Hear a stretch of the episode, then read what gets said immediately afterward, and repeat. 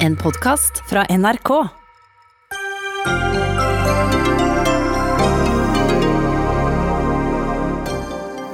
Stortinget utsatt for omfattende dataangrep. Flere e-postkontoer er brutt inn på av uvedkommende.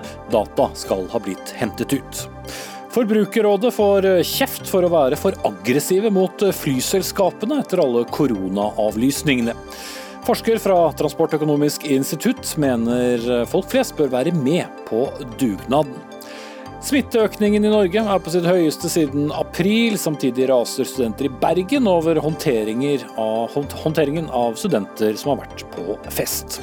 Og opptøyene fortsetter i USA. I dag besøker president Donald Trump byen Kenosha i eh, Wisconsin, til tross for at både guvernør og ordfører har bedt ham om å la være.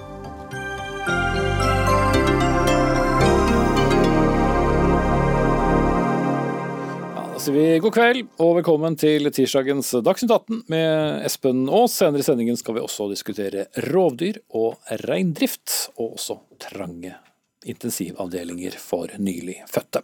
Men vi starter denne sendingen med Norges nasjonalforsamling, som altså er blitt utsatt for et omfattende dataangrep. Det er blitt gjort datainnbrudd på e-postkontoene til flere folkevalgte.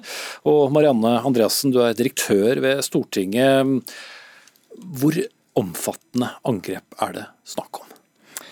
Eh, det har vært et omfattende angrep som vi ser svært, svært alvorlig på. Eh, det som jo har skjedd her, det er da at eh, et mindre antall representanter og ansatte da er berørt. Hvor, hvor mange er mindre antall Nei, jeg vil ansatte? ikke gå ut og si om noen eksakte tall, men et, et stort angrep, men et mindre antall er, er berørt ved at det har vært innbrudd på deres e-postkontoer, og våre analyser viser også at data er henta ut.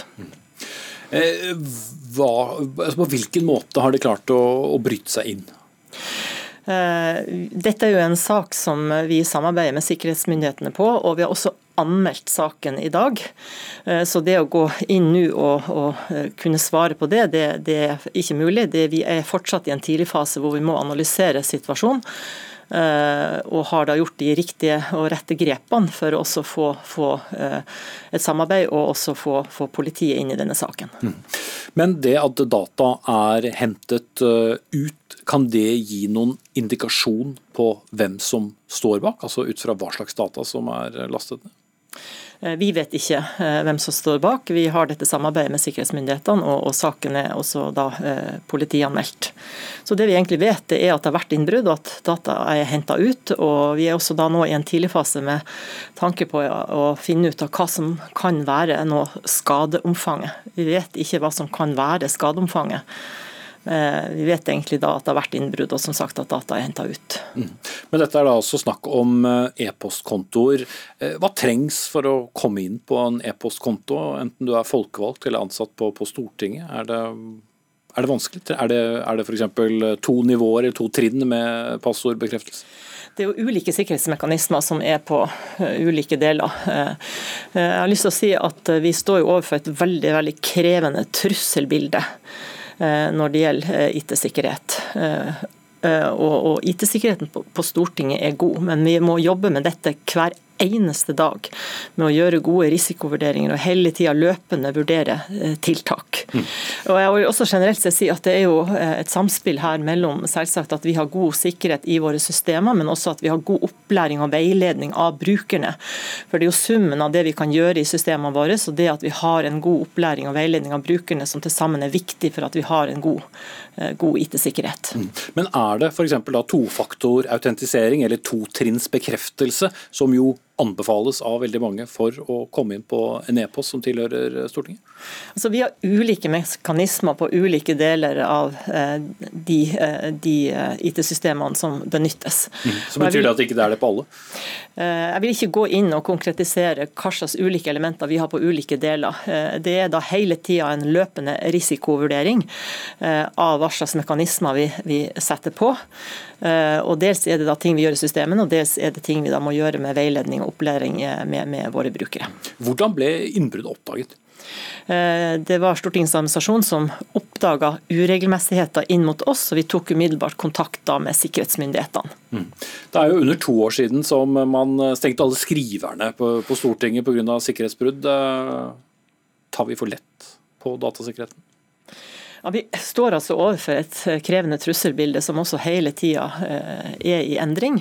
Eh, vi har god IT-sikkerhet på, Stortinget og, gjør hele tida disse løpende vurderinger om typer tiltak som, må iverksettes for å, ha en god IT-sikkerhet. Mm. Dette ble jo ikke oppdaget nå i ettermiddag, det er nå i ettermiddag som dere gikk ut med, med denne meldingen. Dere har visst om det i noe tid. Er det igangsatt nye tiltak? Ja, bare for å si litt om det, at eh, Den uregelmessigheten oppdaga vi for vel en ukes tid siden. Eh, gjennom denne uka så har det jo da eh, vært gjort omfattende arbeid både med tanke på strakstiltak, som da har hatt effekt på dette, dette type, denne typen da, angrep. Eh, så Det er jo det første vi har da jobba med, er da selvsagt å jobbe med å få kontroll over den eh, situasjonen. Og så har det vært eh, omfattende analysearbeid som gjør at vi først veldig veldig nylig hadde da denne klare oversikten over at det hadde vært innbrudd og, og at det var, var henta data, data, ut. Jeg vil si at vi fortsatt er i en veldig tidlig fase med, med å analysere dette nå videre med tanke på å finne ut av hva som er skadeomfang. For det, det vet vi ikke eh, per i dag. Nei, og vi vet jo, eller i hvert fall eh, vi vet ikke hvem eh, sine kontoer som, som er angrepet. Folk vi har snakket med, i hvert fall bekreftet at det dreier seg om de tre største partiene, eller i hvert fall Senterpartiet, Høyre og, og Arbeiderpartiet. Men for å stille et mer generelt spørsmål, hvor sensitive opplysninger oppbevares på, på e-postkontor. Vi har jo medlemmer av forsvars- og utenrikskomité osv., så, videre, så de får jo mange viktige dokumenter. Eh, eh, vi kjenner ikke eh, at det kan være altså omfanget av, av, et mulig skade. Det gjør vi ikke. Det vi nå bare vet er at det har vært innbrudd, og at, og at data er henta ut. Så Det krever videre analyse. og også bare si at Vi har jo dette samarbeidet med sikkerhetsmyndighetene. Saken er anmeldt. og Det sier også litt om at vi også har nå inne de som også skal bistå i en prosess for å få avdekka. Så det blir etterforsket videre? Det, det, legger vi til grunn. Når vi nå har anmeldt dette i dag, så legger vi til grunn at det kommer en etterforskning på, på denne saken. Takk skal du ha, Marianne Andreassen, direktør på Stortinget.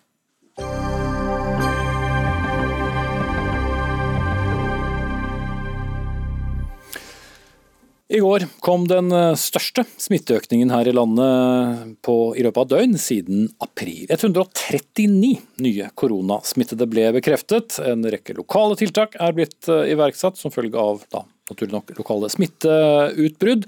Og det er pekt eh, på mange gjennom sommeren og, og sensommeren, kanskje særlig unge studenter som har vært gjennom både fadderuker og ja, en eh, ikke liten mengde med private fester med smitteutbrudd. Assisterende helsedirektør Espen Rostrup eh, Nakstad, en ny smittebølge er eh, jo blitt snakket om mange ganger siden denne epidemien kom til Norge i, i februar. Dere gjentar at vi ser ikke den bølgen ennå, men en såpass kraftig økning, hvordan tolker du det? Nei, Vi pleier å si at det er en bølge hvis det blir ukontrollert spredning generelt i samfunnet, sånn som vi hadde i mars måned. Eh, da vil det stige fort og bli en bølge. Men vi har mange eksempler nå på lokale utbrudd. Vi ligger på faktisk mellom fem og ti kommuner nå til enhver tid som har økende smitte. Det er ganske høyt. Heldigvis får man kontroll på dette mange steder, men vi ser f.eks. i Bergen nå at det er ganske mange lokale utbrudd knyttet da særlig til utdanningsinstitusjoner. Og Det er litt bekymringsfullt, fordi det ser ut som ganske mange blir smitta, faktisk. Mm. Vi skal komme tilbake til Bergen uh, om litt, men jeg vil uh, stoppe litt, litt nærmere oss. Altså på Hamar, som også er et annet sted hvor det har vært økt koronasmitte.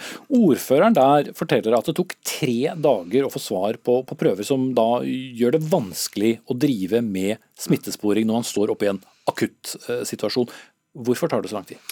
Nei, Det tar vanligvis mye kortere tid. Eh, det er sånn at De aller fleste laboratoriene på sykehuset i Norge analyserer på covid-19 nå, eller på SARS-CoV-2, som er dette viruset. Og, og, Det er også en del private laboratorier som gjør det. Jeg tror det som skjedde i det tilfellet var at disse prøvene havnet et sted hvor det var litt uh, logistiske problemer inn mot uh, laboratorieanalysen. altså At det var ventetid på det laboratoriet. Men det løser de ved å sende prøvene til et annet laboratorium. og Stort sett så går dette veldig raskt, og det tar under et døgn å få analysert prøvene. Mm. Men du forstår eh, frustrasjonen i det man får i stort lokalt utbrudd? Absolutt. Det å bli forsinket i sånn oppstartsfasen av en utbruddsoppklaring, det er veldig uheldig og, og krevende. Men jeg syns de har gjort det på en god måte på Hamar likevel. Mm. Og så til Bergen, som du nevnte, Nakstad. Eh, der har nå alle studenter som har vært på fest, blitt bedt av kommunen om å selv gå i karantene. Bergen kommune hadde ikke anledning til å stille i Dagsnytt 18 i kveld, men eh, uansett, eh, Sandra Krumsvik, du er studentleder ved Universitetet i Bergen og har reagert kraftig på denne oppfordringen. Hva, hva er det du reagerer på? Eh, nei, det jeg reagerer på, det er jo som du sier her, at eh, altså, Nakstad er jo et strålende eksempel på en som tar oppfordringa til å faktisk ha tillit og åpenhet rundt disse restriksjonene og de tiltakene. For det er jo helt klart at vi må jo ha eh, altså, lokale tiltak for å bruke med den smittetrenden som er, f.eks. her i Bergen. Eh, men dette her vil jeg si er totalansvarsfraskrivelse fra altså, de lokale myndighetene her i Bergen. Da. Hvordan da? Eh, Nei, altså rett og slett fordi det er ikke altså definerte tiltak. Det er ikke med hjemmel i smittevernloven f.eks., sånn som myndighetene jo har mulighet til å benytte seg av. Det er rett og slett bare en anbefaling, eh, og studentene står igjen eh, med veldig stor skyld for det første, og stort ansvar på egne skuldre. Og det er veldig vanskelig å skulle navigere seg i noe sånt som er så udefinerbart. Mm. Ja, Nakstad, bare for å ta det, forskjellen på en uh, pålagt og da en, en selvpålagt uh, karantene, eller en oppfordret karantene om du vil? Ja, nei, Det betyr jo bunn grunn at de ikke har sanksjonsmuligheter. da, altså Det er en oppfordring. Uh, men jeg har lyst til å si at uh, studenter flest er veldig flinke som folk flest til å forholde seg til smittevernregler. Og Det at det nå er en del smitte i, i studentmiljøer, det betyr ikke nødvendigvis at veldig mange studenter gir blaffen. Men det er en aldersgruppe som får lite symptomer. De er mye på farten, i kontakt med veldig mange mennesker i løpet av en dag. Og Hvis du da har lite symptomer og kanskje ikke vet engang at du er syk, så kan du bidra til smittespredning. Så det, det er en risiko i en pandemi å være en student på et universitet eller høyskole, faktisk. Eh, og, og da blir det ofte litt eh, spesielle råd når man får utbrudd sånn som nå. Mm. Men er det en god idé? Ehm, jeg kjenner ikke detaljene godt nok i Bergen til å si om det rådet er veldig godt eller ikke. Jeg tror det er viktig i hvert fall å holde seg hjemme til man har oversikt over situasjonen. Men hvis det er miljøer og, og fakulteter hvor det opplagt ikke har vært smittetilfeller i det hele tatt, eh, så, så, er det ikke noen grunn til å opprettholde en sånn karanteneplikt. Men jeg har registrert i mange kommuner nå at man er litt føre var, går ut med en generelt råd, holder hjemme inntil vi har oversikt. og så Når man da får oversikt, så snevrer man inn og da Eh, pålegger i prinsippet karantene kun hos de som er reelle nærkontakter med syke personer. Mm.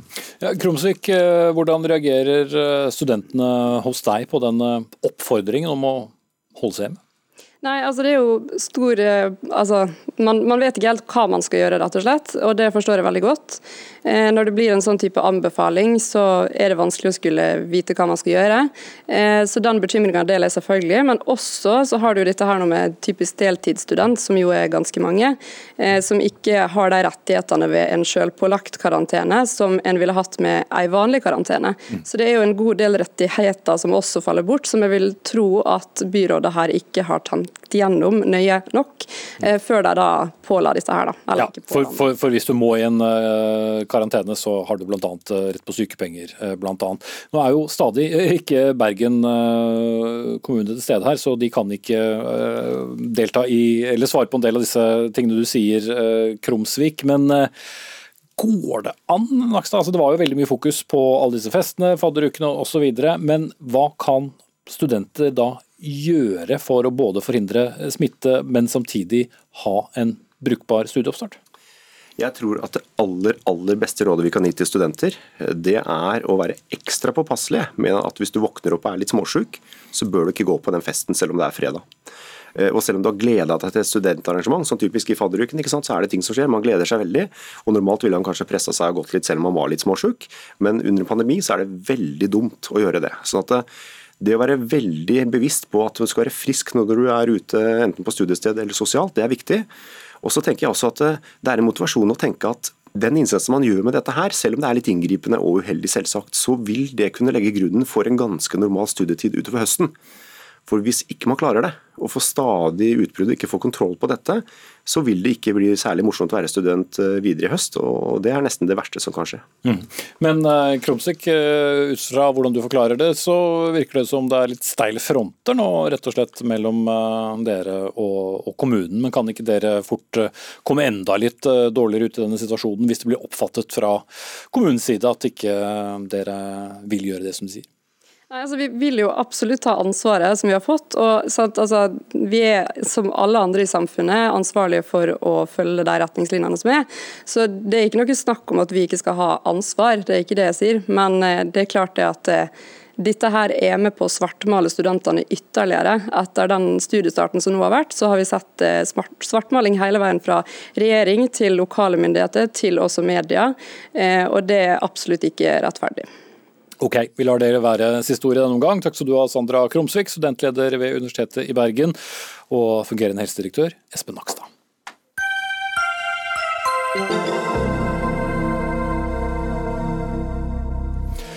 USAs eh, president eh, Donald Trump ankommer om eh, kort tid byen Kenosha i delstaten Wisconsin for å inspisere, som han sier, ødeleggelsene etter opptøyene som har pågått siden den svarte amerikaneren Jacob Blake ble skutt og hardt skadd av politi for uh, om lag halvannen uke siden. Trump velger å gjennomføre turen, til tross for at både guvernør og ordfører, som begge er demokrater, har bedt ham om å la være.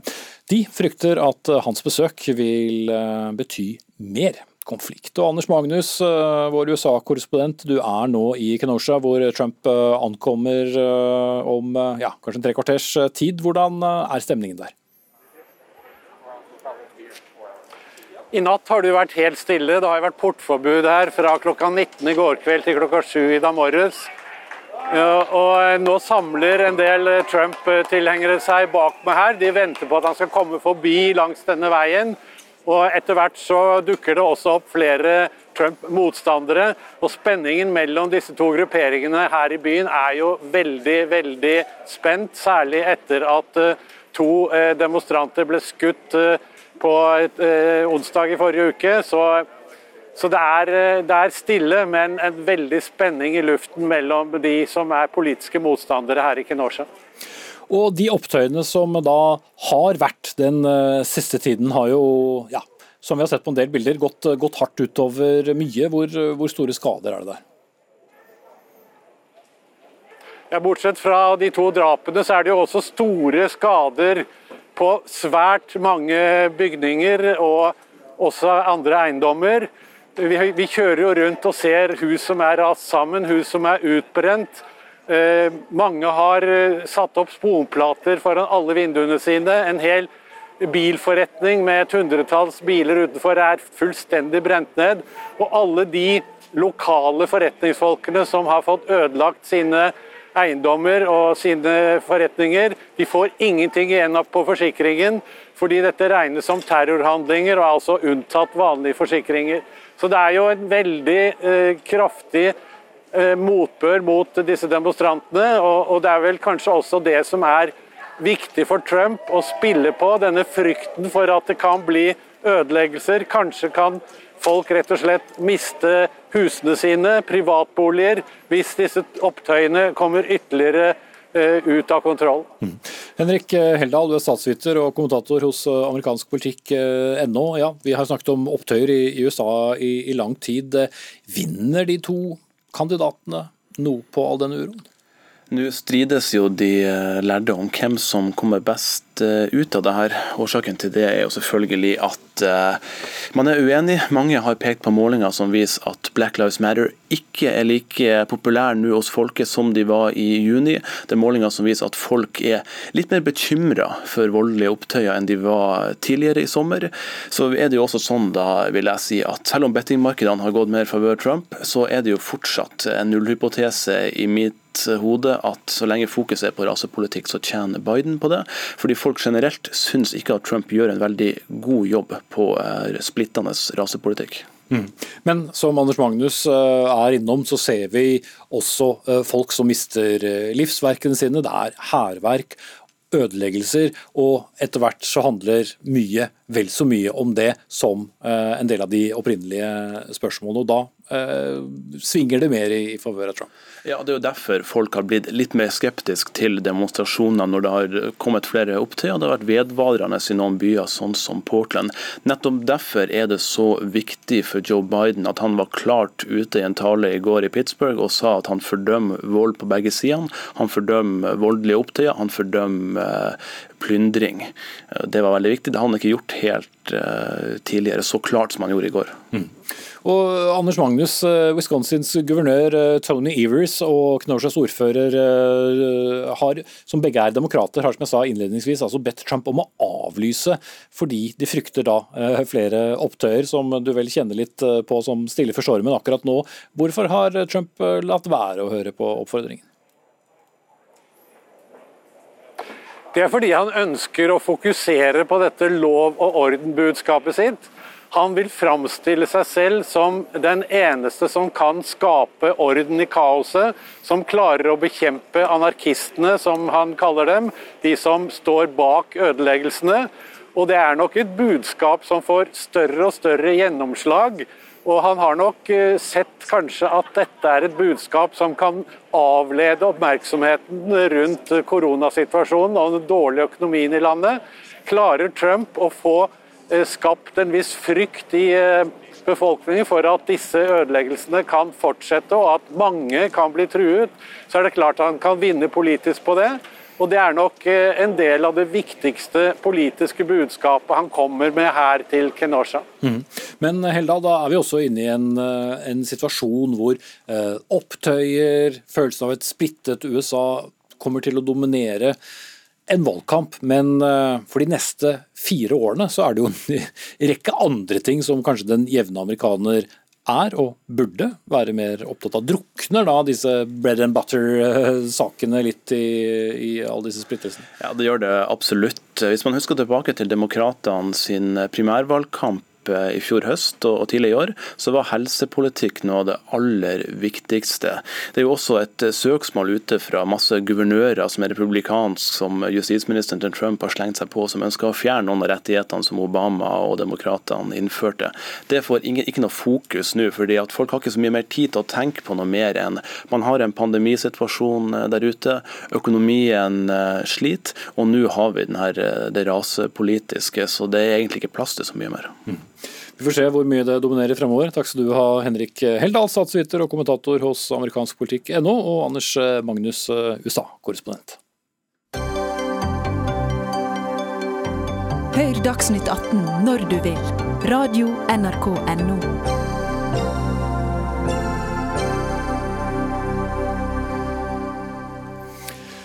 Senere i Dagsnytt 18, Utlendingsnemnda kan ha nektet flere ektefeller opphold i Norge på feil grunnlag. Ifølge Sivilombudsmannen nå krever NOAS at Utlendingsnemnda behandler flere saker på nytt. Men nå. Forbrukerrådet får kjeft for å være for aggressive mot flyselskapene i kjølvannet av alle koronaavlyste reiser. Forbrukerrådet har som vi vet, bl.a. krevd at selskapene må få fortgang med å refundere både utsatte og avlyste reiser, og også krevd dagbøter på, til flyselskapene dersom ikke dette skjer. Men her dytter Forbrukerrådet flyselskapene utfor stupet, skriver du, Lasse Fridstrøm, til vanlig forsker ved Transportøkonomisk institutt, i et innlegg i Dagens Næringsliv. Hva, hva mener du med det? Jeg reagerer i utgangspunktet på det jeg oppfatter som en veldig skjev dekning av denne saken i NRK og andre medier. Mediene heier eh, på forbrukerne, nærmest som det ikke finnes andre parter i saken. Og fortellingen handler hele tiden om at kundene lider urett. De får ikke det de har krav på etter avtalen. De vil ha pengene tilbake, de vil ikke nøye seg med en tilgodelapp. Og her får de Forbrukerrådets fulle støtte, også slik at dere jo kaster dere inn i konflikten mellom disse to private partene med hele statens maktapparat. Og Jeg tenker at eh, flyselskapene har like lite som kundene skyld i disse kanselleringene. Det er en force majeure, en voldsom uforutsett kraft, som rabber begge parter i kundeforholdet. En kraft av den sorten som vanligvis setter avtaler, inngåtte avtaler ut av kraft. Mm. Så du mener rett og slett at eh, forbrukernes uh, hjelper her gjør vondt verre? Jeg mener at dere gjør forbrukerne en bjørnetjeneste hvis dere faktisk klarer å dytte selskapene utfor stupet, slik at vi står igjen med bare ett eller kanskje null flyselskap i Norge. Mm. Ja, den går til deg, den. Inger Lise Blyverket, direktør i, i Forbrukerrådet. Og, og, som beskrevet, du har vært ganske hissig på grøten på forbrukernes vegne. Har du vært for hissig? Det tror jeg definitivt ikke, på bakgrunn av alle de henvendelsene som vi i Forbrukerrådet har fått og får. Fra ikke bare frustrerte og forbanna forbrukere, men også veldig fortvilte forbrukere. Som har veldig store summer eh, utestående, og hvor de venter eh, i månedsvis og uten å vite når de får pengene tilbake. Og dette her er jo etablerte rettigheter. Det er ikke Forbrukerrådet som på vegne av forbrukerne etablerer eh, forventninger om et nytt lovverk som skal på plass, eller nye rettigheter som skal innfris. Dette er etablerte rettigheter, og de er internasjonale. Dette er en flypassasjerforordning som sier veldig tydelig både hva som skal skje under normale omstendigheter, men også hva som skal skje når det ikke er normale omstendigheter. Som det som sies her er jo direkte feil. Det er faktisk ikke sånn det er. Eh, og det er sånn at Du har krav på å få pengene dine tilbake. Du har ikke krav på ytterligere kompensasjon, det er riktig, men du har krav på å få pengene dine tilbake etter syv dager. Det sier flyselskapene, det sier tilsynsmyndighetene, det sier samferdselsministeren, og det sier Forbrukerrådet. Mm. Så Fridstrøm, du ber egentlig folk om å sette sine egne krav eh, til side og spleise på flyselskapenes eh, videre liv? Altså, De som virkelig står i en kritisk situasjon, er ikke forbrukerne det er flyselskapene. Og de står på kanten av stupet. Og i denne situasjonen så er det urimelig at forbrukerne skal kreve ikke bare at flyselskapene dekker sine egne svære tap, men også forbrukernes. Jeg tenker at det er ganske raust av flyselskapene å tilby en tilgodelapp. For det betyr jo at for hvert sete, eller for hver tilgodelapp som brukes, så har flyselskapene ett sete mindre å selge når og hvis trafikken kommer i gang igjen, i en situasjon der de er desperat avhengig av å få inntektsstrømmen i gang. Mm. Men vi har hundretusener av folk som er uten arbeid. Er det så rart at noen av dem ønsker å få tilbake penger? Ja, det er akkurat at du nevner det. fordi at vi har jo alle her i Norge, og i hele verden egentlig, litt tap og gjort oppofringer. Noen svære tap, at de mistet hele levebrødet eller deler av familien. Det at noen forbrukere må vente på å refundert dette her, det ser jeg som et passende bidrag til dugnaden. Mm. Og det er det jo veldig mange forbrukere som har gjort også underveis, både når det gjelder dette feltet og andre felt. Vi har vært ekstremt tålmodige, og mange har også gjort de valgene som du ber om. Men det er noe helt annet enn at man kollektivt tvinges til øh, å ha rettmessige penger i pant hos et flyselskap. Og vi må også huske på at reisebransjen er ganske spesiell. Det er ikke vanlig at vi øh, forhåndsbetaler lenge før vi får en vare eller tjeneste levert. Jeg betaler hårklippen min når frisøren har klippet meg, ikke et år i forveien. Jeg har ikke blitt tvunget heller til å betale hårklipper jeg ikke har fått eh, under koronatidens første måneder. Så her er det jo en helt egen ordning hvor vi har hatt et tillitsbasert forhold til bransjen. Vi har betalt inn på forhånd under den forutsetning at det finnes et regelverk som gir oss pengene tilbake innen en viss tid. Og, og det å rokke ved hele det, det blir jo en kjempestor utfordring og et stort tillitsbrist, tror jeg, både overfor myndighetene myndigheter og overfor næringslivet. Mm. Men er du enig i resonnementet til Fridstrøm at dette legger sten til byrden, og at vi, avhengig av hvor lang tid denne pandemien varer, da, kan ende opp med å ha færre flyselskap? Jeg tenker at Det må gjelde det samme her som det gjelder for alle andre deler av næringslivet. Dersom disse virksomhetene har behov for statlig støtte, så må de gå den veien, akkurat slik som andre bransjer har gjort. Det å tvinge forbrukere, enkeltforbrukere, til et sånn kollektivt eh, långiveri, det er noe helt annet. Og Det er å sette et regelverk til side. Og hva er forbrukerrettigheter verdt hvis ikke de faktisk skal følges? Jeg har stor forståelse for at flyselskapene er vanskelig situasjon. Forbrukere flest har det. Så det jeg ber om, er jo at myndighetene faktisk gjør alvor av å håndheve den loven som de selv har vært med på å vedta, og som vi er en del av en internasjonal forpliktelse på. Mm. Og Er det ikke heller de som skal ta ansvar, og ikke vi som hver enkelt Så Da hørte vi jo nettopp i forrige innslag med Anders Magnus at amerikanske huseiere mister huset og har ikke krav på noe fordi dette er en force majeure hvor de ikke får noe fra forsikringsselskapet. Og Tilsvarende situasjon er denne pandemien knyttet til uh, kanselleringen i, i, luftfarten. Men forskjellen er vel at her opprettholdes eh, forbrukerrettighetene? da? Ja, jeg tenker at uh, det er faktisk ikke i forbrukernes egen interesse å stå så hardt på at flyselskapene går dukken. Det som er i forbrukernes interesse, og som også er i flyselskapenes og reisebransjens interesse, det er at vi opprettholder tilliten mellom oss. Og at vi forbrukere vil være interessert i å kjøpe flyreiser på et senere tidspunkt, når eh, flyreisen er i gang igjen. Og at vi kanskje også kan være villige til å ha den dealen som har vært til nå, nemlig med at vi betaler inn på forhånd. Vi vet at vår tyske søsterorganisasjon har sagt at dette kan vi ikke lenger ha. Vi kan ikke forhåndsbetale reiser lenger. Vår europeiske forbrukerorganisasjon sier at dette er vi også nødt til å se på. Og det er klart at Forbrukere vil ikke akseptere at deres rettigheter settes til side av både flyselskap og tilsynsmyndigheter. Da er det jo faktisk ikke verdt noen ting. Mm. Og så får hver og en kunne bidra i den dugnaden som vi alle gjør, hvert på sitt vis. Mm. Men for å oppsummere akkurat det, du mener at det faktisk er en viktig kamp nå å få flyselskapene til å punge opp, punge ut, også Uh, om det skulle uh, Også om du må bruke da dagbøter uh, for å få dem til å gjøre. Ja, ja, Vi må jo sanksjonere det regelverket vi har. Det har vi tilsynsmyndigheter til, og da bruker man bøter. For ellers så er jo det å, å, ta pant i forbrukernes penger, det er jo det samme som at det lånet ikke koster dem noen ting.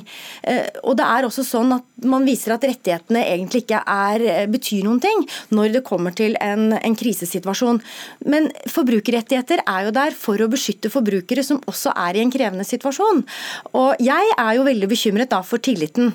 Skal vi få eh, økonomien til å fungere, så må det være etablert en tillit mellom næringsdrivende, myndigheter og forbrukere. Og Dette setter ø, selskapene på spill, og jeg mener også at tilsynsmyndighetene nå er nødt til å gå inn og vise at de håndhever loven. Mm. Til slutt, Fristrøm, en uh, tapt kamp, ja, høres ut som. Sånn uh, er det fint om det er i en normalsituasjon, men dette er en ekstraordinær situasjon. En force majeure en katastrofe som rammer både flyselskapene og passasjerene. Slik er det. Mm. Ja, og Dermed så har jo også forbrukere måttet vente ikke i syv dager, men snart i syv måneder. Så det er definitivt en force majeure for ganske mange. Ok, da setter vi strekk. Inger Lise Blieverke, direktør i Forbrukerrådet, og Lasse Fristrøm, forsker ved Transportøkonomisk institutt.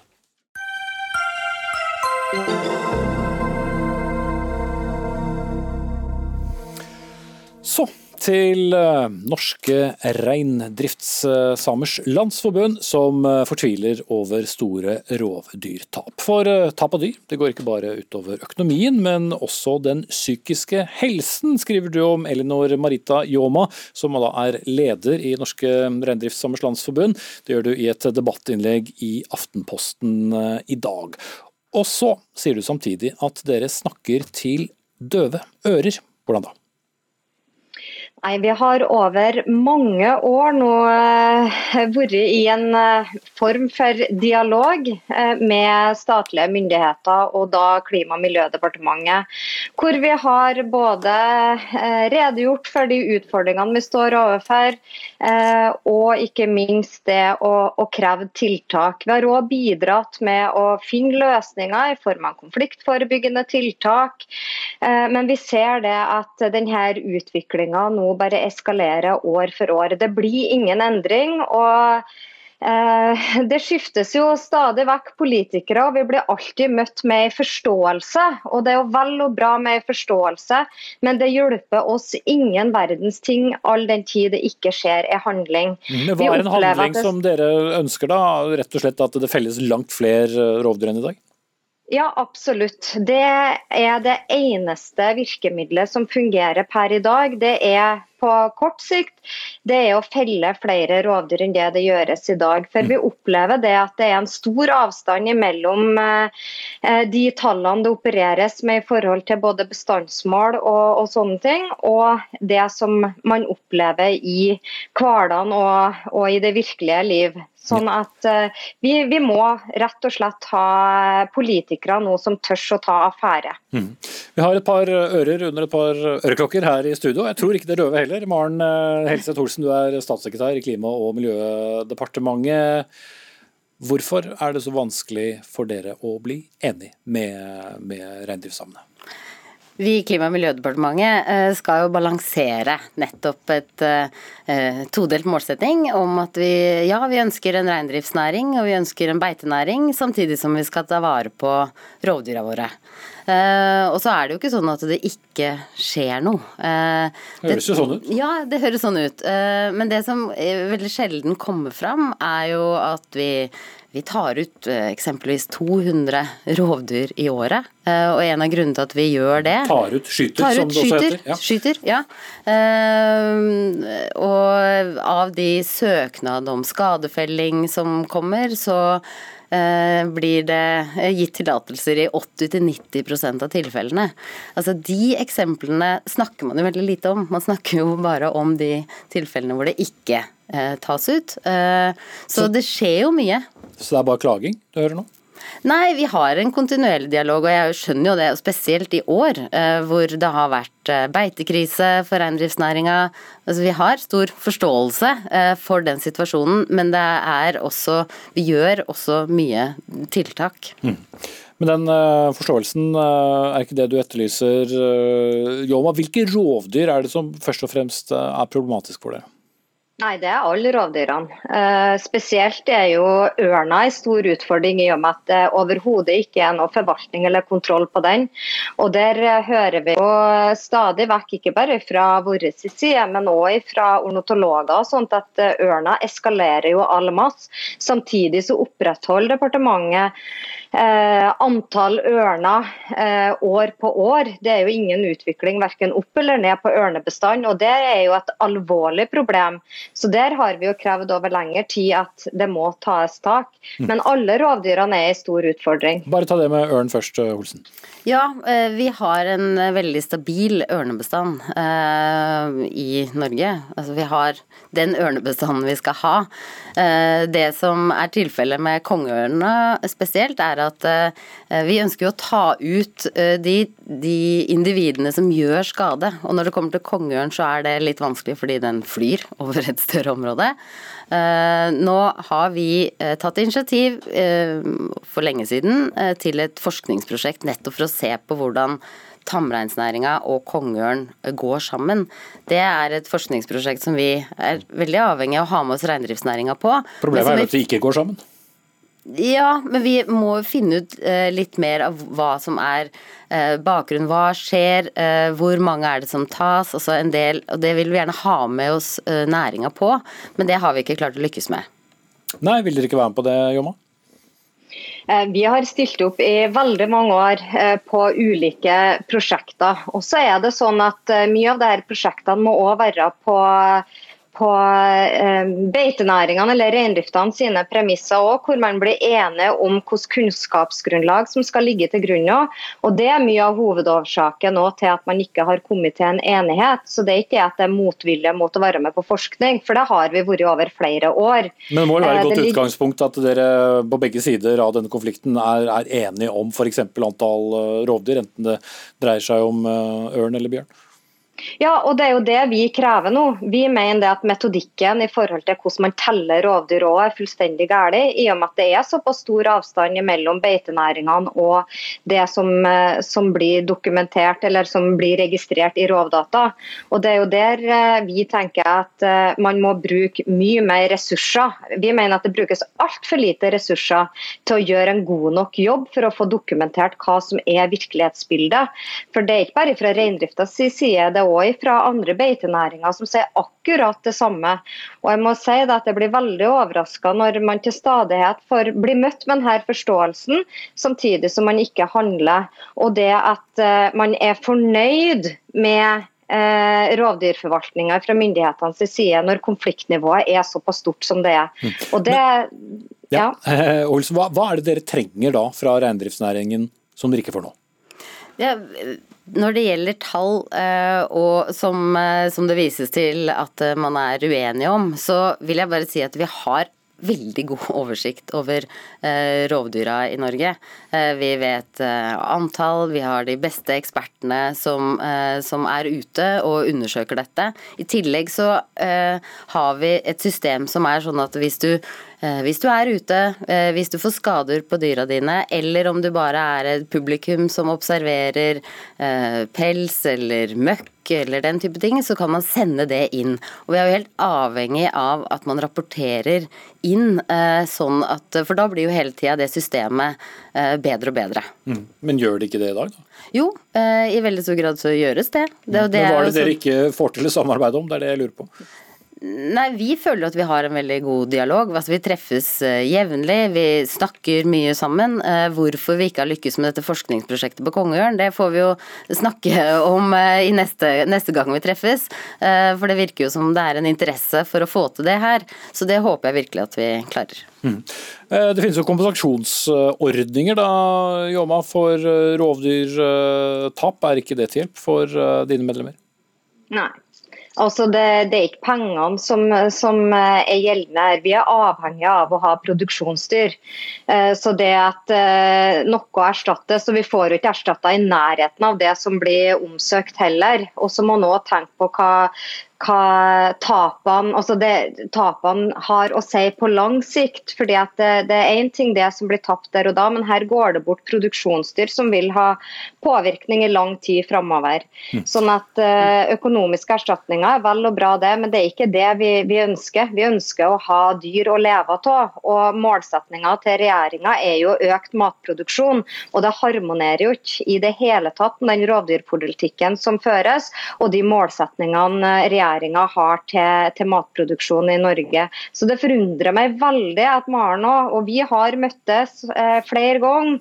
Eh, og ja, vi har en bra dialog, men det hjelper jo ikke oss når ingenting av de tiltakene som, som skal til for at vi skal få okay. ei, endring, ja. Og Det er det som er, er utfordringa her. Så Det må handling til. Vi må ha politikere som tør ja, å ta dette her videre. Men dere er i hvert fall på fornavn, hører jeg. Så da sier jeg takk til dere, Maren Helseth Holsen, statssekretær i Klima- og miljødepartementet fra Venstre, og Elinor Marita Jåma, som er leder i Norske Reindriftssamers Landsforbund. Mer å prate om.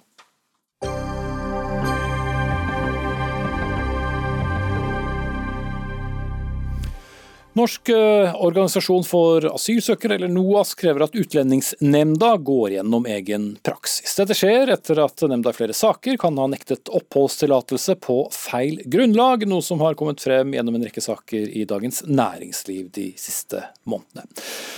UNE, eller Utlendingsnemnda, da, mener at eh, sakene har dreid seg om det som heter proforma-ekteskap, altså en form for svindel, der ekteskap kun inngås for å få oppholdstillatelse. Men eh, Sivilombudsmannen mener at UNE kan ha tatt feil. Og Dette handler om flere år med skadelig praksis, sier du Ann Margrit Austnå, som er generalsekretær i Norsk organisasjon for asylsøkere. Det blir mange forkortelser her, men altså, hva slags skadelig praksis er det dere mener det handler om? Det er jo at dette rammer enkeltmennesker. Det rammer enkeltmennesker inn i det mest private. Muligheten til opphold i landet, muligheter for familier til å være sammen. Og dersom UNE har en praksis som er i strid med lovgivers intensjon, så vil jo det si at UNE driver aktiv familiesplittelse. Mm. Men, men, det det prøver å få tak i. Altså, selve praksisen, hva er det den har da gått ut på som har ført til det du nå beskrev? Jo, det er jo det at UNE gjør seg opp vurderinger av om dette ekteskapet ekteskapet er reelt, eller er den, det elementet i at disse menneskene skal leve sammen i Norge, er det at det er bedre å leve i Norge enn i et eventuelt annet land? Eh, er det det som er hovedbegrunnelsen for at det søkes om familiegjenforening i Norge? Eh, og det er jo å gjøre vurderinger langt inn i det private. Men vår kritikk går jo på det mer overordnede, at UNE gjennomgående er så lukket, dårlig ofte til å begrunne sine vedtak. Eh, og når det er barn involvert, dårlig til å høre barn som involveres og som rammes av beslutninger i UNE. Så dette er jo bakgrunnen for at vi har fulgt opp, og dette som er blitt avslørt eh, og, og fulgt opp i Dagens Næringsliv. Mm. Ja, Da fikk du det skussmålet. Ingunn Sofie Aursnes, ja. du er da direktør eh, i, eh, i UNE. Ja. Hvor godt fornøyd eh, er du med egen praksis? Vi er godt fornøyd med den praksisen vi har på dette området. Det gjelder veldig få saker. Det er slik at I løpet av en tiårsperiode så har det vært 66 000 søknader om opphold i Norge pga. ekteskap. Og omtrent 55 000 har fått ja i UDI Ferdig med det. Og så er det da noen og Det kan være at de får avslag i UDI på ulikt grunnlag. Og så er det noen som får det på dette som heter proforma eller omgåelsesekteskap. Eh, og vi har hatt, På ti år så har vi hatt 600 sånne saker. 120 har vi tatt klagen til følge, og så er det 480 saker hvor vi har kommet til at det er et eh, omgåelsesekteskap. Her har formålet vært opphold i landet, og da blir det ikke opphold.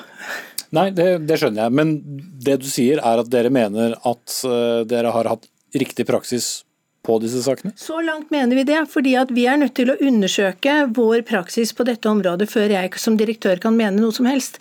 Vi har 19 beslutningstakere hos oss, nemndledere, og det er de som etter vårt system, etter det systemet som Stortinget har valgt, med nemnder, skal avgjøre hva som er praksis. Mm. Så vi, vi, vi tar, tar, gjør, gjør, oppmerksom på at vi noterer jo selvfølgelig det Sivilombudsmannen sier, og Det går en del på det som Anne Margrethe allerede har nevnt, dette med å begrunne bedre. Og Man trenger ikke være eh, dårlig for å bli bedre, så det må vi hele tiden bli bedre på. Men at det er noe feil her, at det er noe som er gjort som har ført til at resultatet skulle blitt noe annet, det gjenstår å finne ut av. Austno. Ja, og det er, jo, det er, jo, nettopp uh, dette som er en hovedutfordring ved UNE, som er blitt tatt opp i flere regjeringsoppnevnte utvalg, som har pekt på denne manglende åpenheten, dette behovet for å styrke rettssikkerheten ved å gjøre behandlingen mer lik en partssammensatt, slik som det fungerer i domstol. Altså UNE ble opprettet for å være et domstolslignende utvalg. NOAS var på det tidspunktet veldig for dette fordi at vi trodde at da skulle det bli åpnere, prosessene skulle bli mer åpne, mer gjennomsiktige, vi skulle få bedre begrunnelser. Veldig mye av det opplever vi at vi har ikke fått, og det er skuffende. Og det er også skuffende, må jeg si, og det har jeg også sagt til Lingse direkte, at eh, jeg syns ikke at UNE har blitt eh, noe særlig mye åpnere i hennes ledertid. Og det syns jeg er skuffende i forhold til at dette er ekstremt alvorlige avgjørelser som skjer for personers liv. Og maktforholdet er kanskje det mest skjeve du kan tenke deg. En utlending eh, uten, som ikke engang befinner seg i Norge i mange saker, som mener å ha rett, og så kommer UNE og mener at her er det helt andre motiver enn det vedkommende selv har, og har ikke engang mulighet for å møte i UNE og forklare seg om dette. Det gjelder jo veldig få saker. Og så er det slik at når det gjelder topartssystem, eh, som NOAS etterlyser, så ligger ikke det hos oss. Det ligger på politisk nivå. Og Det har jo vært utredninger rundt dette, om man skulle lage domstol, om man skulle ha forvaltningsdomstol, eller om man skulle beholde eh, UNE som det er. Det ligger helt utenfor min kontroll. Eh, det er en politisk beslutning. Når det gjelder åpenhet, så tenker jeg at eh, vi har lukkede møter, eh, og med det samme saken går for retten, så er de åpne. Det har alltid vært litt mystisk. Hvorfor skal de være lukket hos oss og åpne i neste måned, hvis det mm. går så fort da, å få saken opp i retten? Så Dette tenker jeg er viktig, en viktig ting å diskutere. Men det er klart at hvis en person saksøker staten og går til retten, så vet vedkommende at det går for åpen rett. Men hvis man uh, søker om opphold i riket, så kan man uh, forutsette at det blir i lukket rom. Og må huske at Asylsakene våre kan ikke gå åpent i første runde.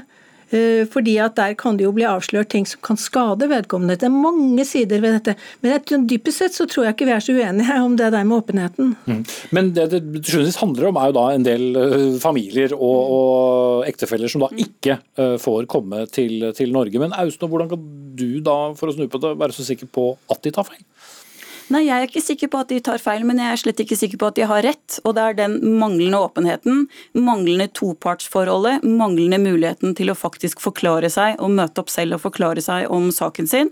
Og jeg mener eh, fra UNE selv en manglende interesse eh, i å måtte være åpen om sine vurderinger. De har lite statistikk. De gjør relativt lite for å legge ut sin praksis. Dette kan man gjøre ved å sladde sentrale opplysninger og gjøre egen praksis mye mer tilgjengelig.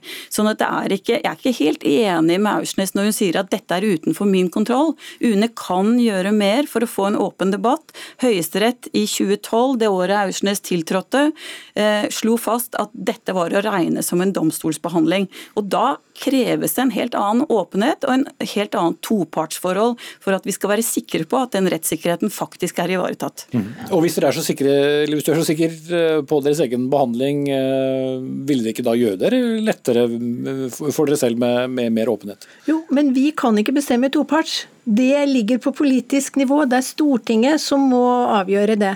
Når det gjelder åpenhet, så har vi en ekstern praksisbase som vi nå forbedrer veldig. For vi prøver virkelig. Jeg syns, eh, jeg syns at vi må få noe eh, kreditt for det vi har gjort på dette området.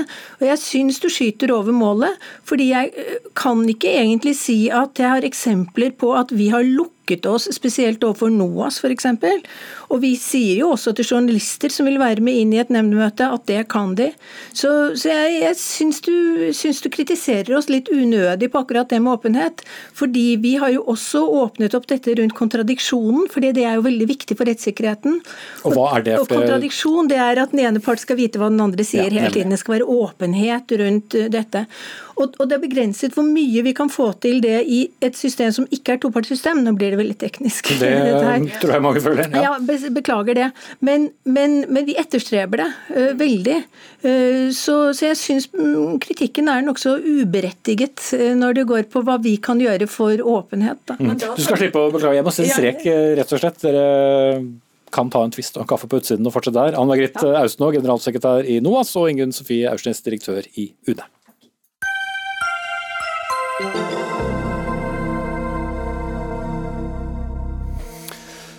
vi skal også innom eh, denne saken, hvor ansatte ved Rikshospitalets nyfødtintensiv har gått ut mot eh, egen ledelse. I et debattinnlegg i Aftenposten roper de varsko om for lite plass på intensiven. Arealsituasjonen ja, fører til at smittevernet er vanskelig å overholde, og det påfører små syke barn unødig stress. Heidi Haugen, barnesykepleier ved Rikshospitalet. Eh, hvorfor har dere gått til dette skrittet å gå ut mot egen ledelse? Vi har gått til det skrittet fordi vi mener at eh, det er for lenge å vente til vi har et nytt sykehus med å gjøre noe med den uh, trange plassen vi har. Mm. Og dere har tatt det opp internt? Det har vi gjort. Og blitt møtt med hva? Uh, vi har vel blitt møtt med at det er lite som kan gjøres uh, før vi har uh, før vi har nytt sykehus. Vi har fått to nye rom. men ellers, etter det som har vært i media nå, så har jo fremdeles responsen fra ledelsen vært at det er ingen planer om utbedringer eller utvidelser. Mm.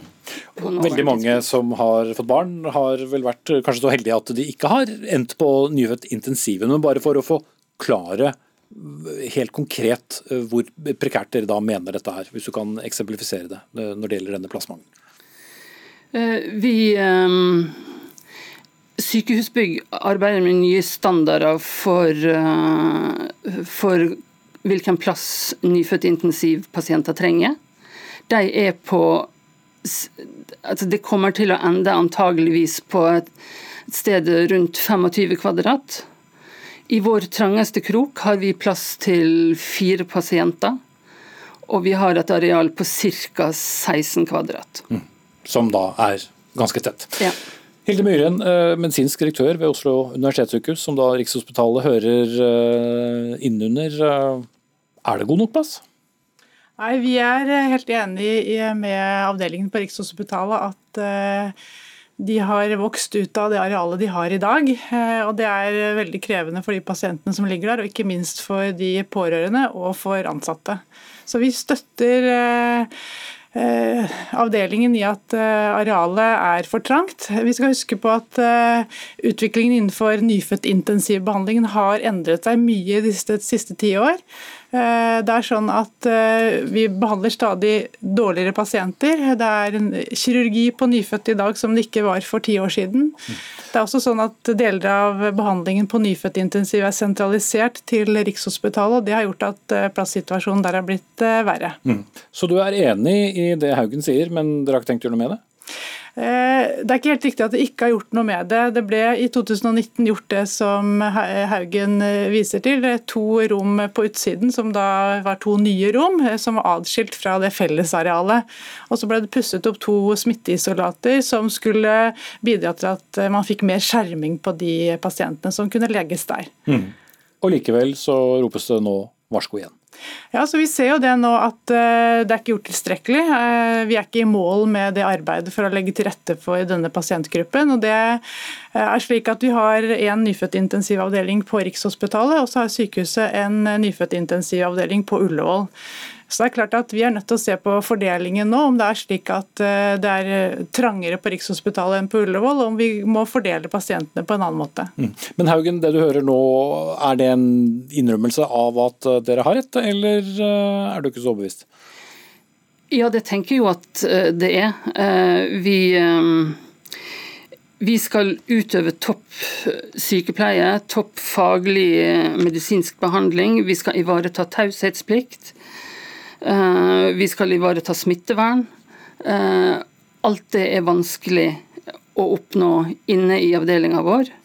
Og de to nye rommene vi har fått, de bekrefter egentlig behovet, for vi ser hvor mye bedre de to pasientene som havner der, har det i forhold til de som må være inne i ei travel og mm. støyete avdeling. Fordi de har eh, større areal.